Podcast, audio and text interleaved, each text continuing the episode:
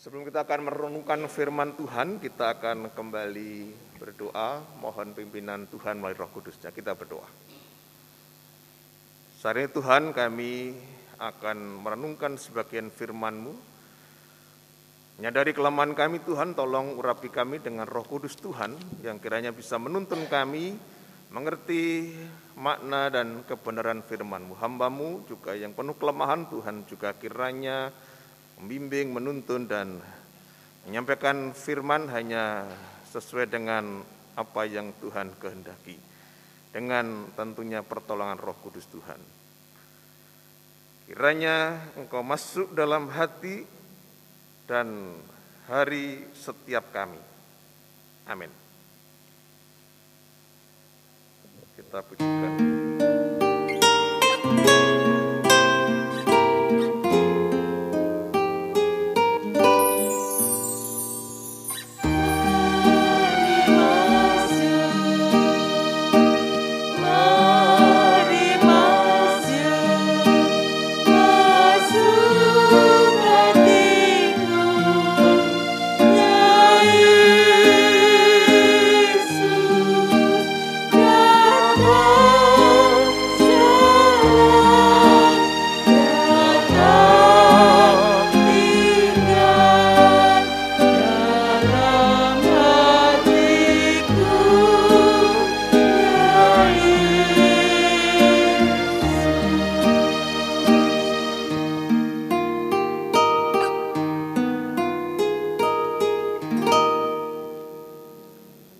Pembacaan firman Tuhan terambil dari kitab Kolose, Kolose pasal 3 ayat 1 sampai ayat yang ke-11.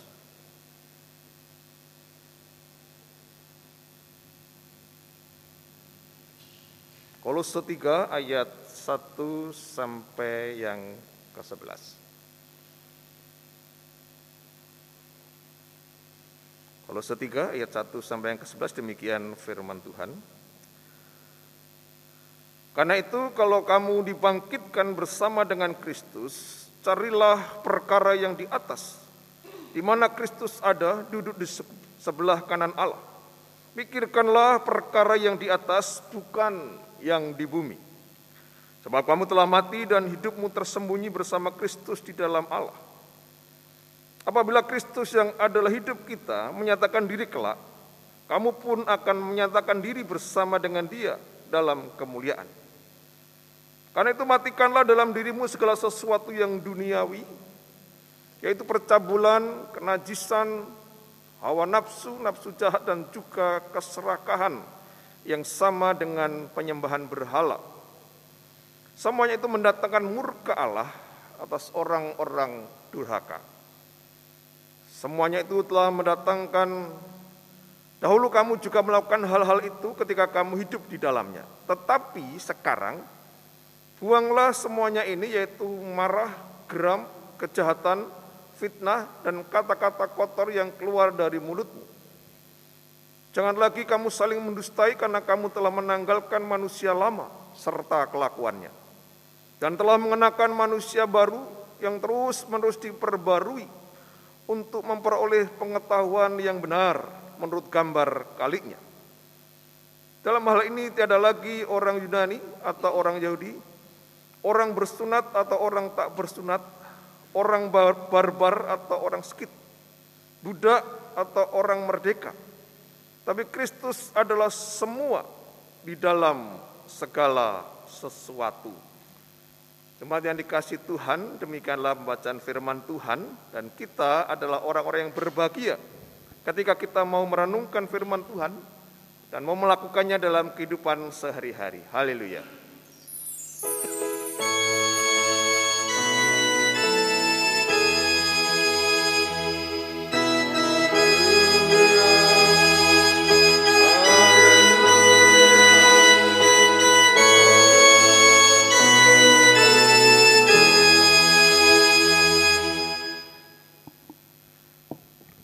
Meretas koinonia persahabatan. Nah, itu eh, tema kita. Ada beberapa istilah yang mungkin atau satu istilah yang kita nanti akan lihat yang mungkin agak asing bagi kita. Nah, Bapak Ibu yang dikasih Tuhan, kita hidup di dalam dunia yang memang perbedaan itu sebuah keniscayaan. Mau tidak mau harus diakui dan ya diterima. Perbedaan sesuatu yang memang selalu ada di antara kita. Baik dalam kehidupan kita di tengah masyarakat dengan berbagai perbedaannya, perbedaan dalam berbagai hal, termasuk mungkin secara ekonomi, secara sosial, secara uh, mungkin kepercayaan, agama dan sebagainya. Ada banyak perbedaan termasuk karakter dan juga kemauan tentu berbeda-beda satu dengan yang lain. Nah sayangnya Bapak Ibu bahwa perbedaan itu sering kali menjadi dasar atau dijadikan alasan untuk sebuah persaingan, sebuah kompetisi begitu ya, yang bisa kemudian berujung pada permusuhan atau penindasan bahkan mungkin pemisahan. Seorang dianggap atau dihargai karena mungkin dia punya jabatan, punya kekuasaan, dan dia secara gender laki-laki barangkali, atau dia dari negara yang lebih maju, atau secara budaya dia dianggap lebih berbudaya, atau lebih berpangkat, dan secara ekonomi dia lebih berada, lebih kaya barangkali. Dan itu kemudian buat dia dianggap lebih tinggi dari yang lain. Itu yang sering kali terjadi di sekitar kita. Nah mudah-mudahan tidak terjadi di gereja. Tapi yang jelas bahwa di gereja itu juga atau di jemaat itu juga banyak perbedaan tentu saja. Ya. Secara pendidikan jelas berbeda, bermacam-macam kalau mau di database begitu ya, itu berbeda-beda. Secara mungkin etnis juga banyak perbedaannya, apalagi KI biasanya menerima semua. Dan itu berbeda-beda. Secara sosial ekonomi, karakter begitu ya. Itu kan kita melihat juga banyak perbedaan. Kemauan apalagi gitu ya itu kelihatan kalau diwakili oleh penatua atau majelis dan juga oleh para badan pelayanan ketika rapat itu sering kali uh, berdebat panjang untuk suatu masalah. Kepanitiaan itu juga sering kali harus berdebat panjang ketika memutuskan sesuatu. Saya ingat ketika dulu di uh, gereja kami ketika ada panitia matal dibentuk dan Bapak Ibu mungkin tahu bahwa di gereja kami ini kan jenjangnya apa eh, jaraknya begitu agak jauh ya rentangnya itu cukup jauh terutama terkait dengan mungkin secara ekonomi gitu ya ada yang cuma eh, apa eh, pemungut eh, apa pemulung gitu ya beli-beli barang-barang bekas gitu ya kemudian dijual lagi tapi ada yang bos begitu ya, yang pemilik pabrik gitu, apalagi ini pabrik emas barangkali begitu ya. Jadi sangat jauh sekali jaraknya. nah, ketika kemudian kami mau mengambil keputusan tentang bagaimana untuk uh, membeli konsumsi untuk Natal setahun sekali kalau tidak konsumsi nanti pada komplain gitu ya. Jadi tetap dia kemudian di mau dibelikan roti konsumsi untuk Natal. Dan biasanya kami kalau e, perayaan itu malam Natal biasanya ya, tanggal 24. Dan itu banyak sekali biasanya tidak pernah penuh itu sampai di luar. Jadi panitia kadang ngalah tidak bawa tempat duduk. Jadi di belakang berdiri atau di ruang konsistori, bahkan ada yang di sebelah gereja itu kadang ditambahi kursi karena tidak cukup saking banyaknya. Jadi eh, kami berusaha untuk memberikan konsumsi yang terbaik. Yang terbaik dalam pengertian bisa diterima oleh, oh maaf, diterima oleh yang kalangan tentu yang tadi, yang memang mungkin secara ekonomi mungkin rendah begitu ya. Tapi juga bisa diterima di mereka yang bos, bisa menikmati juga. Nah ini tidak mudah Bapak Ibu ya. Nanti kalau terlalu tidak enak yang di atas komplain gitu ya. Yang maksudnya yang kalangan atas komplain. Kalau terlalu enak, nah ini masalah. Nanti kita akan melihat masalahnya gitu ya. Jadi akhirnya kami beli yang kira-kira bisa diterima semua. Jadi yang tengah lah begitu ya. Jadi di antara yang e, bawah sama yang atas ini kan ada yang tengah-tengah ini yang lebih banyak biasanya. Jadi kami pilih yang konsumsi yang kira-kira bisa diterima oleh semua. Jadi roti yang enak gitu ya. Nah enak itu kan biasanya tidak terlalu keras ya. Jadi agak empuk begitu ya, agak halus begitu ya. Jadi itu kalau dikepel-kepel gitu biasanya tinggal kecil. Nah itu ternyata yang kalangan yang maaf yang agak bawah itu punya kebiasaan begitu nampaknya. Jadi kalau makan roti itu dikepel-kepel gitu ya, jadi kecil. Dan itu kemudian komplain, ini roti kok kecil sekali. Loh, diapain kecil kan gede pak? Iya waktu dikepel-kepel itu jadi kecil. jadi akhirnya tidak mengenyangkan. Nah kita bisa melihat, Bapak ternyata begitu bisa menjadi masalah. Jadi uh, di satu sisi mereka menekankan kualitas yang penting enak, tidak banyak tidak apa-apa. Gitu ya. Tapi yang satunya, kelompok satunya yang penting banyak dan mengenyangkan. Nah ini susah. Gitu ya. Oh, ini bisa jadi masalah gitu ya. Itu sampai di rapat itu sampai rame gitu ya. Hanya gara-gara masalah kue atau roti. Dan pernah juga hanya gara-gara masalah tempe atau kerupuk kalau tidak salah itu ya. Itu bisa jadi masalah. Ya biasanya kan kalau panitia pokoknya adalah di pas gitu ya, paling enggak ya lebih-lebih sedikit lah. Jadi kalau ambil yang ambil satu saja jangan banyak-banyak gitu. Tapi kadang ada yang ambil lebih padahal dia mau ngambilkan temennya ya namanya teman baik gitu ya, tampilkan aja kerupuknya. Nah, dia ngambil dua dan itu jadi masalah ditegur Akhirnya tersinggung dan tidak ke gereja. Jadi perbedaan dalam berbagai hal, termasuk ketika oh, apa menentukan apa iringan musiknya itu juga bisa jadi masalah. Kami pernah berdebat panjang, kok iringannya di KKI tidak rame gitu ya? Lu rame kayak yang mana gitu ya? Kayak yang gereja A gitu ya? Yang meriah, yang membuat saya bisa oh, merasakan sesuatu. Lah sesuatu itu apa yang tidak jelas begitu ya? Dan itu bisa berdebat panjang. Jadi maunya satunya rame, satunya enggak ya sudah kita adakan kebaktian kontemporer. Akhirnya sebulan sekali kita adakan yang agak ramai begitu ya. Sekarang karena pandemi masih belum dilaksanakan lagi. Tapi dulu sempat seperti itu. Hanya gara-gara dia merasakan kok tidak kena feel-nya mungkin kalau di idol begitu ya. Tidak ada feel-nya, belum merasakan feel-nya, ya, tidak tahulah begitu ya. Akhirnya ya sudahlah kita berikan wadah Nah Bapak Ibu semuanya perbedaan itu tidak akan menjadi masalah jika kita tidak memandang yang berbeda itu sebagai mungkin musuh atau sebagai saingan. Tapi kalau kita pandang mereka sebagai saudara, sebagai rekan pelayanan, atau sebagai sahabat, teman, seperti tema kita, ini tidak akan jadi masalah. Berdebat panjang dan masalah itu ya sudah baik-baik saja, karena kita saudara, karena kita teman, karena kita rekan pelayanan. Tapi kalau kita menganggap mereka sebagai seperti saingan, seperti uh, musuh bahkan, ya nanti akan jadi masalah. Itu akan panjang akhirnya dia tidak mau lagi bergereja, undur dari pelayanan karena ulah musuh saya masih ada di sana, gitu ya. Itu saingan saya masih ada di sana. Dia tidak mau pelayanan lagi, tidak mau aktif lagi. Sehingga akhirnya memunculkan permasalahan, konflik, perpecahan dan bahkan pemisahan. Nah, tukar pelayanan mimbar sinode kali ini, sinode wilayah, memberikan atau mengenalkan sebuah gagasan koinonia persahabatan, persekutuan yang bersahabat. Sebuah model hidup menggereja yang bersahabat.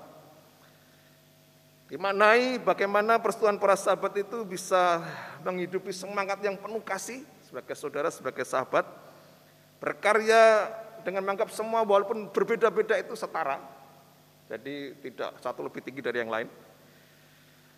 Dan dalam persatuan itu tentu kita tidak berdasarkan pada yang lain selain pada Kristus sendiri. Tentu ya. Kristus sebagai sang raja gereja, memimpin gereja dia menjadi poros menjadi yang utama. Yang dikatakan tadi dia yang eh, semua dan dalam segala sesuatu. Dia adalah seperti bahasa polos itu tapanta gitu ya, semua dan enpasin. Di dalam segala sesuatu. Dan ini sama seperti yang pernah dikatakan Paulus kepada jemaat di Galatia, yaitu adalah satu di dalam Yesus Kristus. Semua orang yang berbeda-beda itu satu di dalam Tuhan Yesus Kristus. Di Galatia 3 ayat 28 sampai yang ke-29. Nah, tapi sebelum kita akan melanjutkan pertemuan kita, kita mungkin perlu lebih memahami dulu tentang kata meretas itu ya. Ini kan bahasa yang jarang dipakai. Ini memang eh, ketua sinode wilayah kita ini suka kata-kata yang agak susah begitu ya. Maksudnya bukan susah karena memang sulit tetapi jarang dipakai begitu ya. Meretas, meretas itu memang banyak artinya. Memutuskan benang jahitan, membuka surat dengan pisau itu yang diseret begitu ya. Atau membelah kulit karung gitu ya. Jadi di uh, apa lubangi di untuk dibuka begitu ya. Atau menebangi pohon untuk membuat jalan. Jadi kalau mau disederhanakan yang membuka jalan atau yang mungkin lebih tepat merintis, itu yang kita pakai. Setelah membuka jalan merintis, itu yang kita pakai dalam perenungan kali ini, pengertiannya. Kemudian yang kedua yaitu koinonia. Koinonia ini juga ada pengertiannya yaitu berarti persekutuan dengan partisipasi yang intim. Jadi selama ini kita coba mengerti yang persekutuan gitu ya. Jadi ini ada persekutuan dengan partisipasi yang intim dan itu juga dipakai kita ingat dalam gereja mula-mula, yang kita sering sebut juga gereja purba, yang mereka sangat intim sekali, yang berkelebihan membagi, menjual hartanya, membagi kepada yang uh, lebih berkekurangan, membagi roti bersama, berdoa bersama, itu koinonia yang partisipatif begitu ya, yang uh, saling berperan, saling berbagi, dan bahkan mereka begitu akrab, begitu intim satu dengan yang lain. Nah, menurut Paulus bahwa dalam Kolose 3 1 sampai 11 ini bahwa kemanusiaan yang yang apa? serakah yang seperti tadi dikatakan kalau kita mau melihat di dalam Kolose 3 tadi di mana dikatakan di situ ada keberadaan karakter yang jahat, yang serakah, menekankan kepentingan pribadi yang menekankan e, mendapatkan keuntungan termasuk secara e, mungkin ekonomi e, itu itu sesuatu yang harusnya dihindari. Karena itu bisa mendatangkan pertikaian perpisahan dan konflik sebenarnya bahkan dikatakan bisa mendatangkan murka Allah model manusia seperti ini atau kemanusiaan seperti ini atau bisa disebut manusia lama ini harus dibongkar. Harus dihindari. Yaitu dengan cara mematikan atau menghindari eh, mengesampingkan hal-hal yang eh, karakter-karakter yang manusia lama tadi. Perbuatan-perbuatan duniawi yang bisa mendatangkan murka Allah tadi. Sehingga kemudian bisa melahirkan manusia baru yang segambar atau yang berusaha menjadi segambar dengan Tuhan Yesus. Imago Dei atau imitasio Christi itu ya. Yang segambar dengan kaliknya itu bisa dilihat di pasal eh, di ayat 10 atau di ayat di pasal 1 ayat 15 mana Yesus adalah imago Dei, dia menjadi prototipe begitu, contoh ini loh yang seharusnya dicontoh Tuhan Yesus yang menjadi gambar dari Allah. Semua yang di mana dia adalah yang semua dan di dalam segala sesuatu. Jadi menurut Paulus bahwa hal-hal yang bisa merusak, hal-hal yang bisa mengganggu intim keintiman, keakraban, eh, persekutuan atau koinonia itu harus dihindari. Yaitu antara lain kalau kita melihat yang tadi disebutkan di eh, kalau kita melihat di ayat yang ketujuh tadi ya, kelima ya. Ayat yang kelima itu yaitu yang dikatakan kemarahan. Jadi kita sering melihat bahwa ketika kita emosi yang berlebihan sehingga akhirnya lupa bahwa yang berbeda dengan kita, yang berdebat dengan kita ini hanyalah saudara itu adalah saudara seiman, adalah rekan sepelayanan. Tapi karena kemarin yang sudah memuncak itu kadang bisa sampai menggebrak meja saya pernah dulu di sebuah gereja ke depan itu katanya majelisnya itu kalau rapat karena saking emosinya bisa menggebrak meja. Jadi orang takut semua. Jadi lupa bahwa ini rekan pelayanan ini saudara seiman. Karena kemarahan, kegeraman yang peluap membuat akhirnya kita bisa sampai ya, lupa bahwa ini adalah saudara sendiri, saudara seiman. Kejahatan. Ketika orang sudah tidak takut dengan uh, Tuhan, apalagi ketika di gereja ya, ketika dia memakai uang gereja, ketika dia uh, melakukan hal-hal yang bahkan menyakiti ya, saudaranya dengan kata-katanya dan sebagainya dengan hinaan dan bahkan merendahkan itu kan bisa menimbulkan pertikaian bahkan perpecahan dan itu kadang kita tidak sadari. Kata-kata kita kadang menyakiti sangat jahat begitu ya. Sehingga orang yang mendengar itu sampai sakit hati dan kemudian tidak bergereja lagi. Hati-hati gitu ya. Dan itu bahkan berkaitan dengan mungkin umpatan yang dikatakan umpat. Dan itu ada bagian-bagian lain yang juga dikatakan oleh Paulus ya. Kalau kegeraman kemarin itu juga ada di Efesus 4:31 kemudian kejahatan juga bisa dilihat di bagian lain yaitu di Efesus 4 ayat 3 dan Titus 3 3 kemudian juga umpatan yang mungkin bisa membuat orang uh, apa umpatan itu tidak selalu harus dengan kata-kata yang kasar begitu ya, tapi juga kadang dengan kata-kata yang menyalahkan begitu ya, itu juga seperti yang dikatakan di bagian selanjutnya perkataan keji gitu ya. Efesus 4:29 itu bisa membuat orang sakit hati dan timbul perpecahan. Saya ingat ada dulu ketika pelayanan di sebuah gereja itu ada uh, seorang yang katanya pernah melayani firman gitu ya. Memang keliru barangkali memang salah eh, apa berkata gitu ya dalam menafsirkan firman. Tetapi mestinya menegurnya kan tidak langsung saja di depan orang gitu ya. Itu kan mem mempermalukan. Tapi mungkin karena eh, terlalu antusias ditegur langsung di depan orang dan kemudian mereka berseteru tidak bertegur sapa.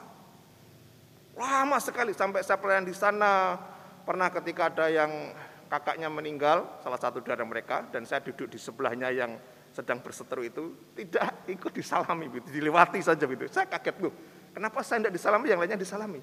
Ternyata saya duduk di sebelah musuhnya, tanda kutip itu tadi, yang dianggap musuh. Gitu. Dan sayangnya Bapak Ibu, mereka sampai sama-sama dipanggil Tuhan, tidak lagi berdamai. Gitu. Mudah-mudahan di surga mereka berdamai. Mudah-mudahan itu jadi syaratnya. Kalau tidak mau berdamai, mbak, tidak bisa masuk surga gitu ya. Jadi mereka berdamai. Jadi itu yang terjadi.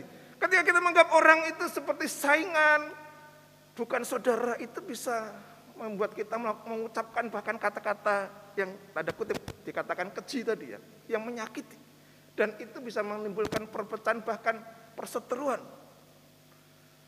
Diingat terus gitu ya. Dan itu menurut Paulus ditimbulkan dari kalbu atau hati nurani yang tidak memiliki dasar kasih atau karena dosa. Membuat orang menjadi egois, mengutamakan diri sendiri. Dan karakter atau tabiat itu yang disebut dengan tabiat manusia lama. Jadi umat yang menerima Tuhan Yesus sebagai Tuhan dan Juru Selamatnya mestinya harus bisa hidup baru. Meninggalkan karakter-karakter yang jahat, karakter-karakter manusia lama itu. Dan mengenakan manusia baru yaitu mengenakan Kristus bagaimana diungkapkan juga di bagian lain di Roma 13 ayat 14 dan Galatia 3 ayat 27. Dan sebagai manusia baru menurut Paulus, kita juga harus bertabiatkan berperangkai. Memiliki perangai seperti Kristus. Bisa dilihat di Roma 6 ayat 6 dan Efesus 4 ayat 22. Jadi ketika Paulus mengatakan bahwa Kristus adalah semua dan di dalam segala sesuatu tapanta and pasin, jadi dia mau menunjukkan bahwa Kristus itu bisa menerima semua yang berbeda itu. Kita tahu para muridnya kan banyak perbedaan gitu ya. Ada yang pemarah, oh apa, menggebu-gebu seperti Petrus.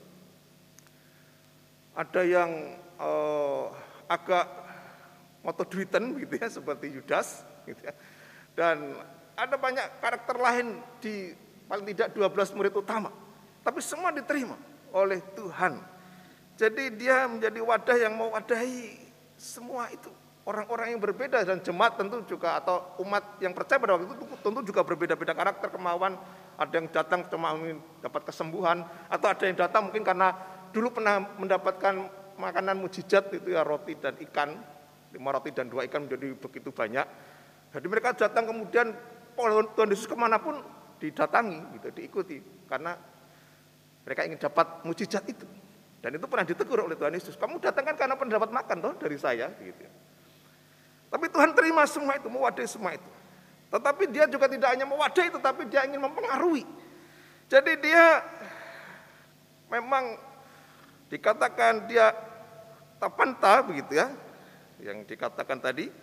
Tetapi dia juga dia bukannya mewadahi, menampung tetapi dia juga adalah merasuki, dia mempengaruhi memberikan pengaruh pada mereka. Jadi merubah karakter mereka. Kalau mereka berbeda-beda dengan karakter yang mungkin tidak semuanya sesuai dengan yang Tuhan kehendaki, dia akan rubah itu. Dia di dalam semua.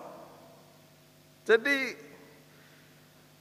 Tuhan Yesus dalam hal ini mau dikatakan dia memang mewadai semua, menerima semua yang berbeda-beda itu, tetapi dia juga mau membuat mereka berubah sesuai dengan yang ia kendaki, yang benar, yang menjadi manusia baru sebagaimana yang ia ajarkan.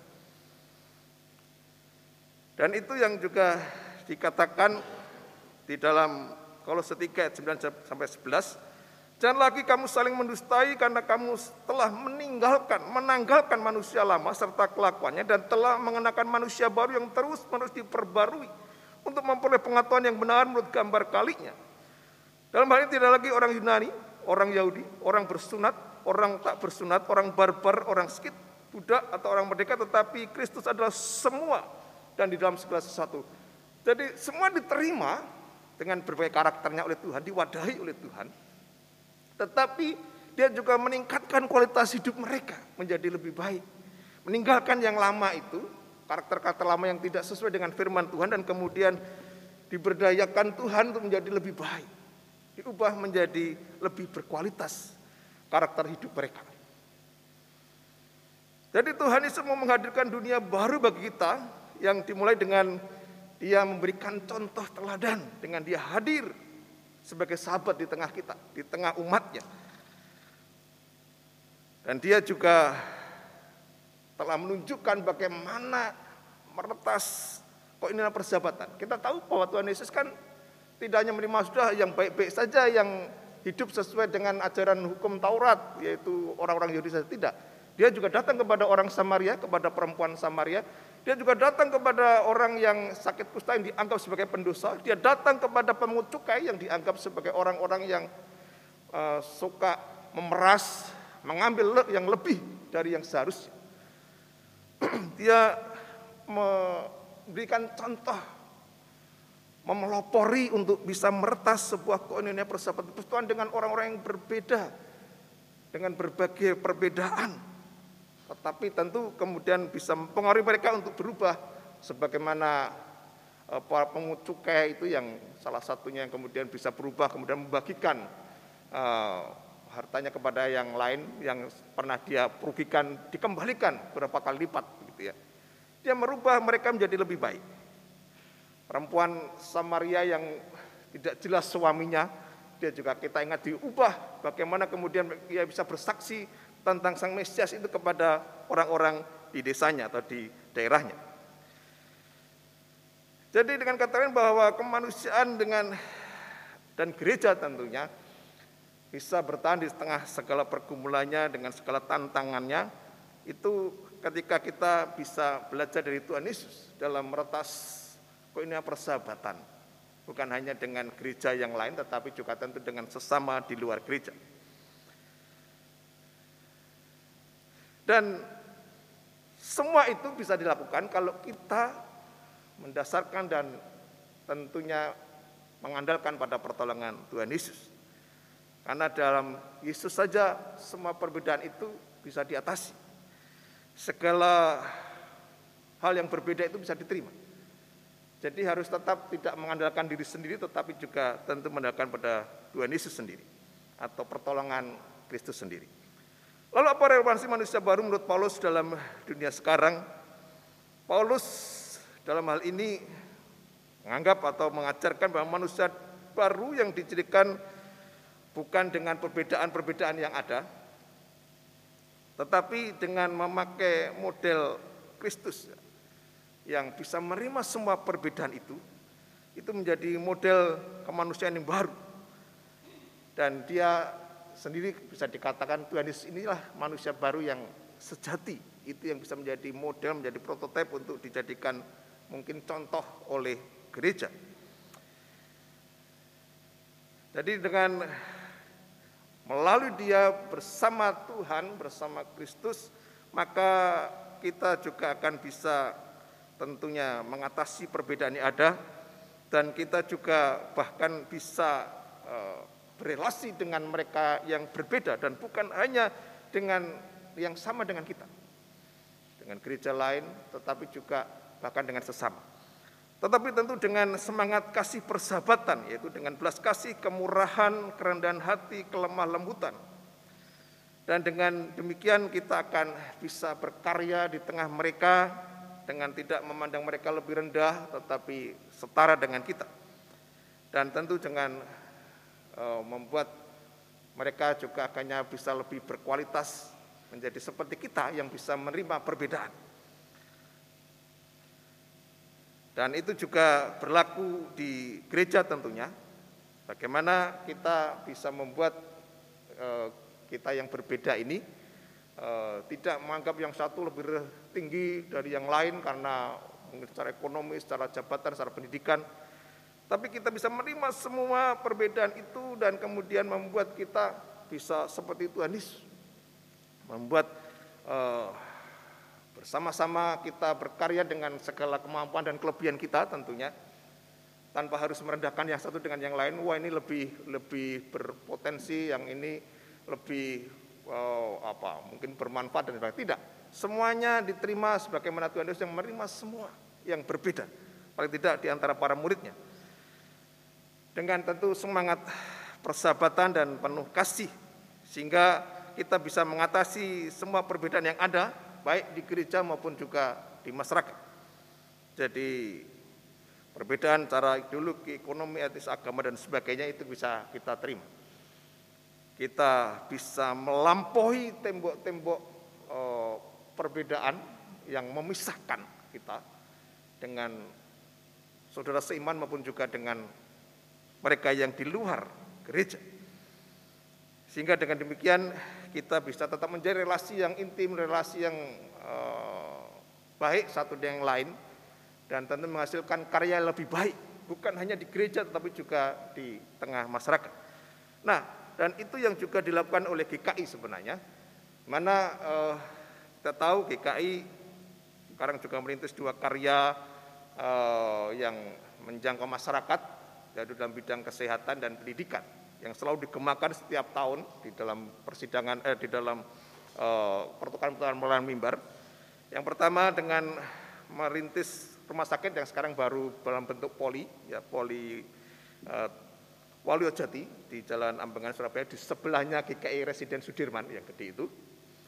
Itu juga untuk menjangkau masyarakat terlebih di masa pandemi. Saya ingat saya juga beberapa kali sempat tes di sana, gitu ya ya harganya tidak terlalu mahal. Ya. Jadi ada beberapa tes termasuk ketika uh, selesai vaksin itu kan untuk melihat berapa ke, jumlah kekebalan itu ada uh, nilainya gitu ya. Nah itu juga bisa dites di sana. Dan itu juga saya dengar atau saya lihat dari mereka yang di sana juga tidak semuanya tentu orang Kristen gitu ya. Ada beberapa juga yang dari luar yang ikut tes di sana. Memang mungkin karena lebih Eh, tidak terlalu ramai sehingga itu juga menghindari kontak juga sehingga cukup banyak juga yang datang ke sana. Dan juga dengan Resut yang pernah atau beberapa kali mungkin juga melaksanakan terakhir juga sempat melaksanakan e, vaksinasi gitu ya. Nah kalau di tempat kami memang juga e, memang bukan gereja kami, kami pinjam pakai sebuah gedung Dan gedung itu ya sempat juga dipakai oleh pemerintah dan dipinjamkan juga gitu ya untuk eh, apa vaksinasi dan juga tes swab gitu ya. Jadi antinya itu karena kami waktu itu gereja barunya sudah jadi, jadi kami berpindah di gedung yang baru dan kami lihat panjang sekali antrinya. Dan itu ada bahkan ini yang menarik ya. Jadi ada eh, apa? Di brosur yang dibagikan biasanya lewat Instagram itu ya jadi ada di Kodam, ada di uh, Gelora Pancasila dan juga ada di gedung Jalan Lebak Jaya 343. Itu, itu gedung gereja yang biasa kami pakai untuk beribadah. Dan itu ada. Dan kalau mereka datang itu bisa kelihatan itu gereja Kristen Indonesia itu di atas gitu ya. Jadi kita bisa mendukung uh, semangat dari GKI atau Sinode Wilayah Jawa Timur untuk meretas persahabatan dengan berbagai cara. Paling tidak dengan melakukan itu ya, kita pinjamkan gedung kita untuk ikut mendukung program pemerintah dalam mengatasi pandemi ini sampai akhirnya bisa melandai dalam bidang kesehatan paling tidak dengan tes-tes seperti itu ya, yang dilakukan di gereja maupun juga dengan cara yang lain. Dengan berbagi kita dulu juga tahu sempat berbagi itu ya eh, makanan atau untuk mereka yang terdampak terutama tentu para ojek online itu ya kita dulu juga bagikan itu. Dan itu juga mungkin kita lakukan di tempat ini.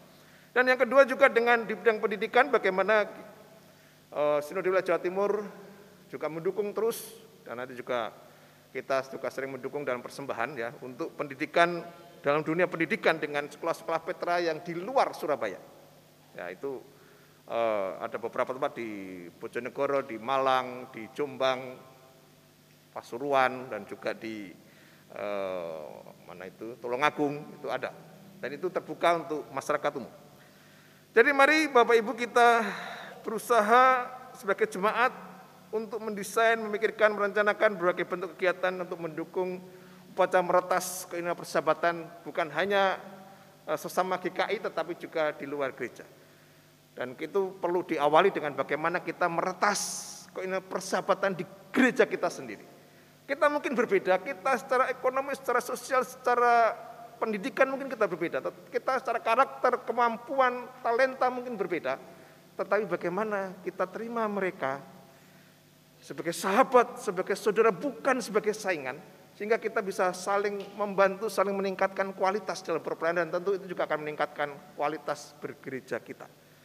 Sehingga gereja kita walaupun mungkin tidak besar, tetapi kita bisa memberikan yang terbaik seperti semboyan kita kita melakukan itu bukan untuk diri kita sendiri, bukan untuk ambisi kita, tetapi untuk Tuhan.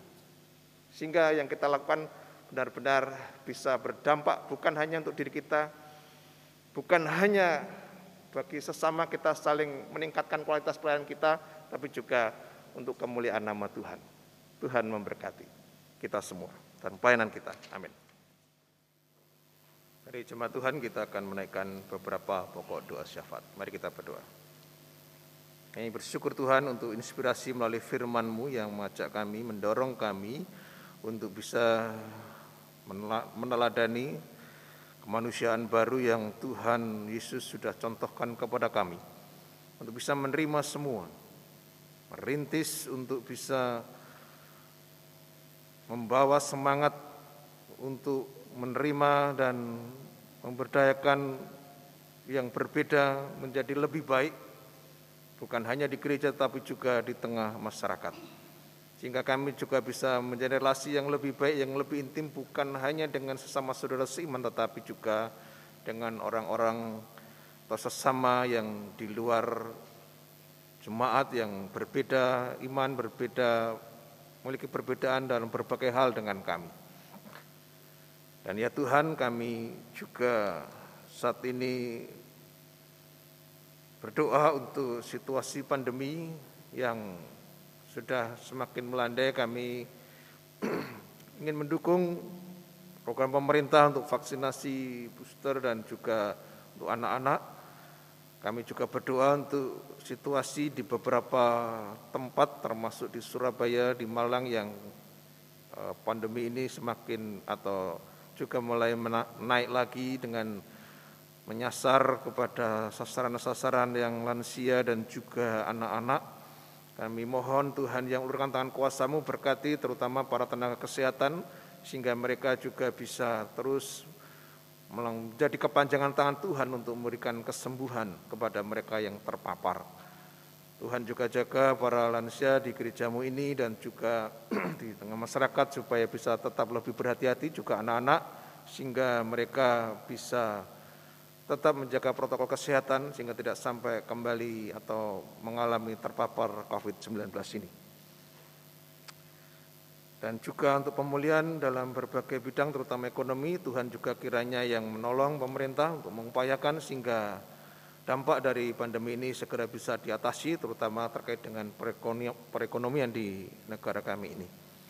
Juga untuk bencana-bencana alam terjadi di beberapa daerah terutama terkait dengan longsor atau dengan banjir dan yang lainnya yang bisa menimbulkan dampak dan kerugian yang besar bagi masyarakat Tuhan kiranya yang pakai pemerintah dan juga orang-orang yang tergerak para relawan untuk bisa menolong dan membantu para korban sehingga mereka bisa akhirnya mengatasi masalah bencana alam ini dan juga dampak-dampaknya. Dan kami juga berdoa untuk berbagai konflik, bahkan perseteruan dan peperangan yang terjadi di beberapa negara yang tentu berdampak pada masalah kemanusiaan dengan banyaknya yang kehilangan keluarga bahkan harta benda di Rusia, Ukraina maupun juga di Gaza.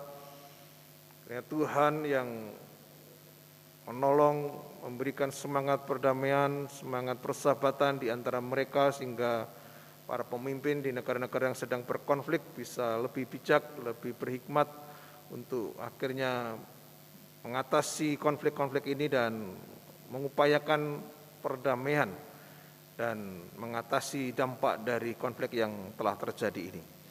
Dan ya Tuhan tentu ada banyak pergumulan pribadi yang ter, tidak terucapkan dari jemaatmu di GKI Mojosari ini. Ya Tuhan yang maha tahu, Tuhan tahu apa yang menjadi kebutuhan kami dan Tuhan yang akan menjawab doa-doa kami, harapan kami dengan hikmat yang Tuhan miliki. Sehingga kami terus bisa bersyukur kepadamu. Dan kami akan sempurnakan Tuhan doa syafaat kami dengan doa Bapa kami yang Tuhan ajarkan pada kami yang akan kami pujikan.